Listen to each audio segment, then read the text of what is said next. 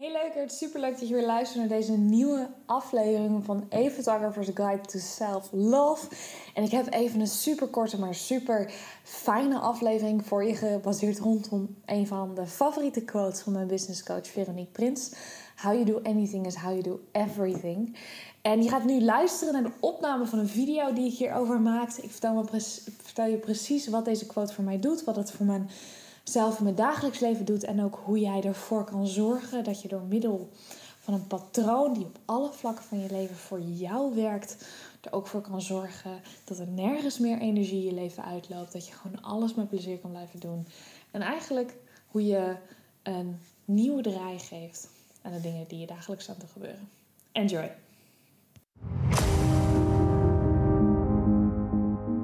Hey leukert, welkom bij een nieuwe aflevering van A Photographer's Guide to Self-Love. Mijn naam is Sanne Pullis, ik ben al 16 jaar in de band van fotografie en ik geloof erin dat iedere vrouw echt een inner goddess in zich heeft. Die versie waar jij van aangaat, waarbij je in de spiegel kijkt en denkt, damn, die dame is sexy. Door boudoirfotografie help ik vrouwen om die inner goddess te bevrijden en vast te leggen in een prachtige serie intieme foto's. Maar het gaat echt om zoveel meer als dat. Het gaat om het volledig accepteren van je lijf, inclusief alle imperfecties. Het volledig omarmen van je vrouwelijkheid in alle facetten die erbij horen. Jezelf empoweren om die mooiste versie van jezelf naar de voorgrond te halen en dat gevoel ook te inspireren in anderen. Met iedere nieuwe aflevering ga ik je inspireren om die inner goddess steeds meer naar de voorgrond te halen. We gaan taboes doorbreken en vooral heel veel lol maken. Of je nou hier komt om geïnspireerd te worden of om even te ontsnappen uit je eigen wereld, bereid je voor een flinke dosis enthousiasme in deze nieuwe aflevering. Enjoy! How you do anything is how you do everything.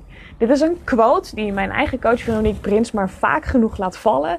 En ik werd dit weekend toch maar even aardig hard met mijn neus op de feiten gedrukt dat het toch echt wel waar is. En voordat ik vertel wat mijn eigen ervaring ermee is, ga ik je even vertellen wat, wat het idee hierachter is. Want deze quote bestaat natuurlijk niet zonder reden. Hey, superleuk dat je meekijkt. Ehm, deze quote bestaat natuurlijk niet zonder reden. Het gaat heel erg over dat wij mensen nou eenmaal geprogrammeerd zijn. Hey Sharon. Uh, om dingen op een bepaalde manier te doen. En heel vaak dingen die in ons leven terugkomen, zijn vaak dingen die op verschillende gebieden, verschillende vlakken van ons leven vaker, uh, vaker zich herhalen. Zie het bijvoorbeeld maar als iemand die bijvoorbeeld heel slecht is in het weggooien van dingen, uh, die het moeilijk vindt om dingen op te ruimen, omdat het altijd een chaos is, dat hij het ook lastig vindt om bijvoorbeeld eten weg te gooien. Dat is bijvoorbeeld een van de dingen waar ik zelf tegenaan liep. Dat omdat ik het heel moeilijk vond om dingen weg te gooien, moest altijd alles op. Um, een ander voorbeeld is bijvoorbeeld dat omdat altijd alles op moest, terwijl met eten, ging dat bij mij ook over geld. Dan had ik een behoorlijke gat en had ik een behoorlijk gat in mijn hand. Omdat ik dacht van ja, ik kan het toch niet bewaren, dus ik moet alles maar uitgeven.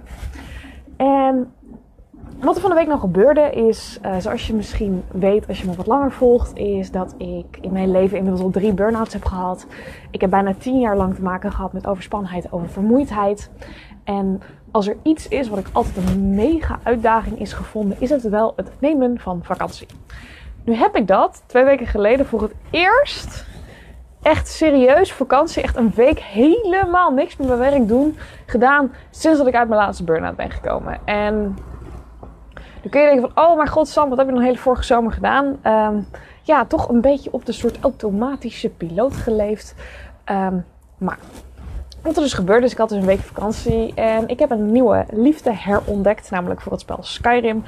Um, heb ik al een keer helemaal uitgespeeld. Uh, mijn doel is ook om alle quests die daarin beschikbaar zijn te halen.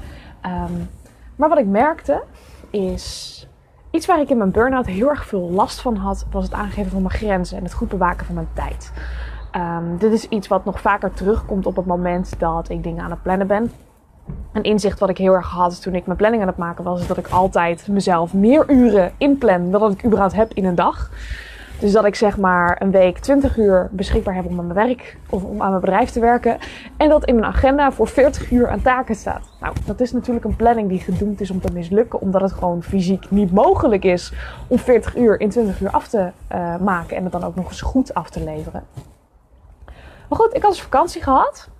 En ik merkte maandag voor het eerst dat ik opstartproblemen had. Ik heb normaal gesproken nooit opstartproblemen. Ik sta eigenlijk altijd om half acht naast mijn bed te springen. Van, oh mijn god, ik mag weer. Ehm, maar dat gevoel was dus weg. En ik bleef nog in bed liggen. En ik was loom. En ik was moe. En ik had zoiets van, hmm, dit klopt niet helemaal. Wat, wat is er aan de hand? En wat ik merkte is omdat...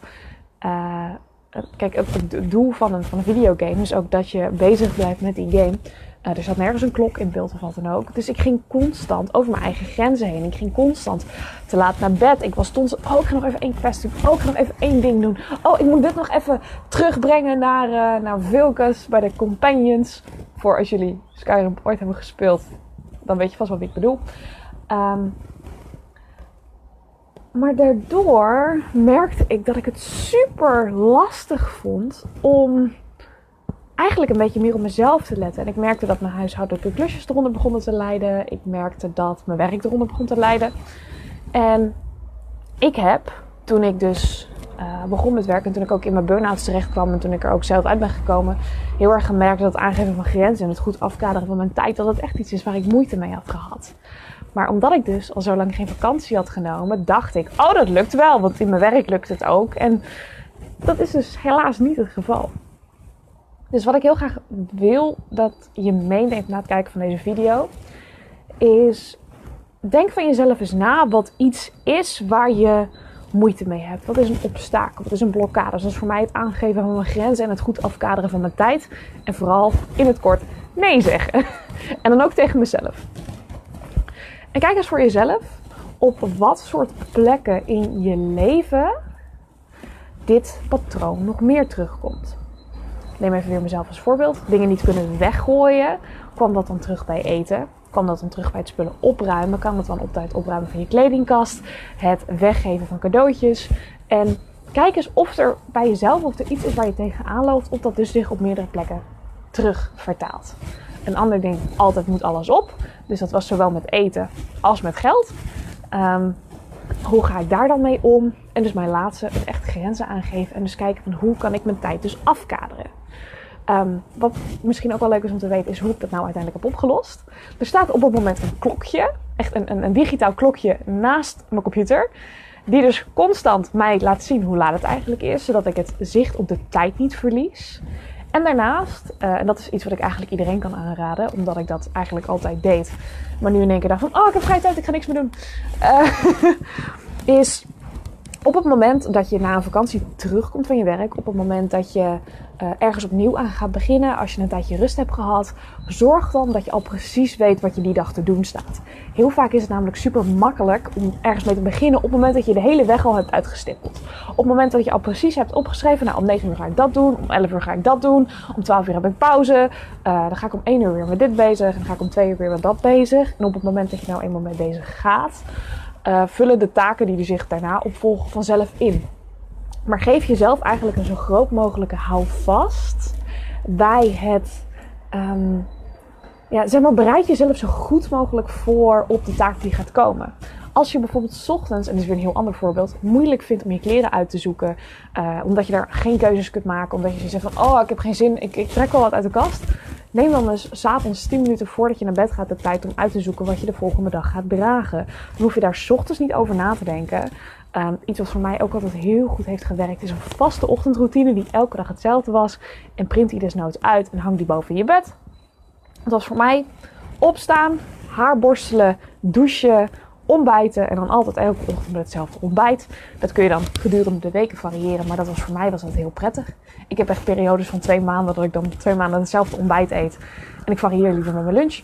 Maar dat hebben we terzijde. Uh, zodat ik eigenlijk precies weet wat er van je verwacht wordt. Dat je brein even de tijd heeft om op te starten. En dat je eigenlijk ochtends nog niet voor zoveel keuzes wordt gesteld dat je de draad kwijtraakt. Dat was wat ik je wilde vertellen in deze video. How you do anything is how you do everything. En kijk voor jezelf dus eens welke patronen jij in je dagelijks leven herkent. En in welke van deze vlekken die toevallig nog terugkomen. En hoe je die dus samen kan tackelen. Om ervoor te zorgen dat je een nieuwe gewoonte opbouwt. Die ervoor zorgt dat je wel op alle vlekken van je leven dat obstakel gewoon goed kan overwinnen. Dank je voor het kijken. Nou leuker, dat was hem alweer. Volgende week ben ik er weer met een nieuwe aflevering van A Photographer's Guide to Self-Love. Maar voordat je gaat ben ik natuurlijk enorm benieuwd wat je hebt beleefd, of je nieuwe inzichten hebt gekregen, of dat je gewoon eventjes hebt genoten. Laat het me zeker weten op Instagram, Sannepullisboudoir. Dat is apenstaartje S-A-N-N-E P-U-L-L-E-S B-O-U-D-I-O-R. Of check even de link in de show notes als dit wat snel voor je ging. Daar kun je ook altijd alle linkjes naar mijn socials vinden. Dus uh, als je iets niet kan vinden, kijk dan ook vooral daar. En kan je nou niet wachten op de volgende aflevering? En wil je dagelijks geïnspireerd worden door een community van like-minded vrouwen? Die elkaar allemaal omarmen en empoweren om die mooiste versie van zichzelf te laten zien en te vieren. Meld je dan nu aan voor de gratis Facebook community Sannes Boudoir Beauties. Je kunt deze vinden op Facebook en de link vind je ook wederom in de show notes. Leukert, ik wens je echt een super fijne morgen, middag, avond of nacht wanneer je deze podcast ook luistert. En je hoort me weer in de volgende aflevering. Bye lady.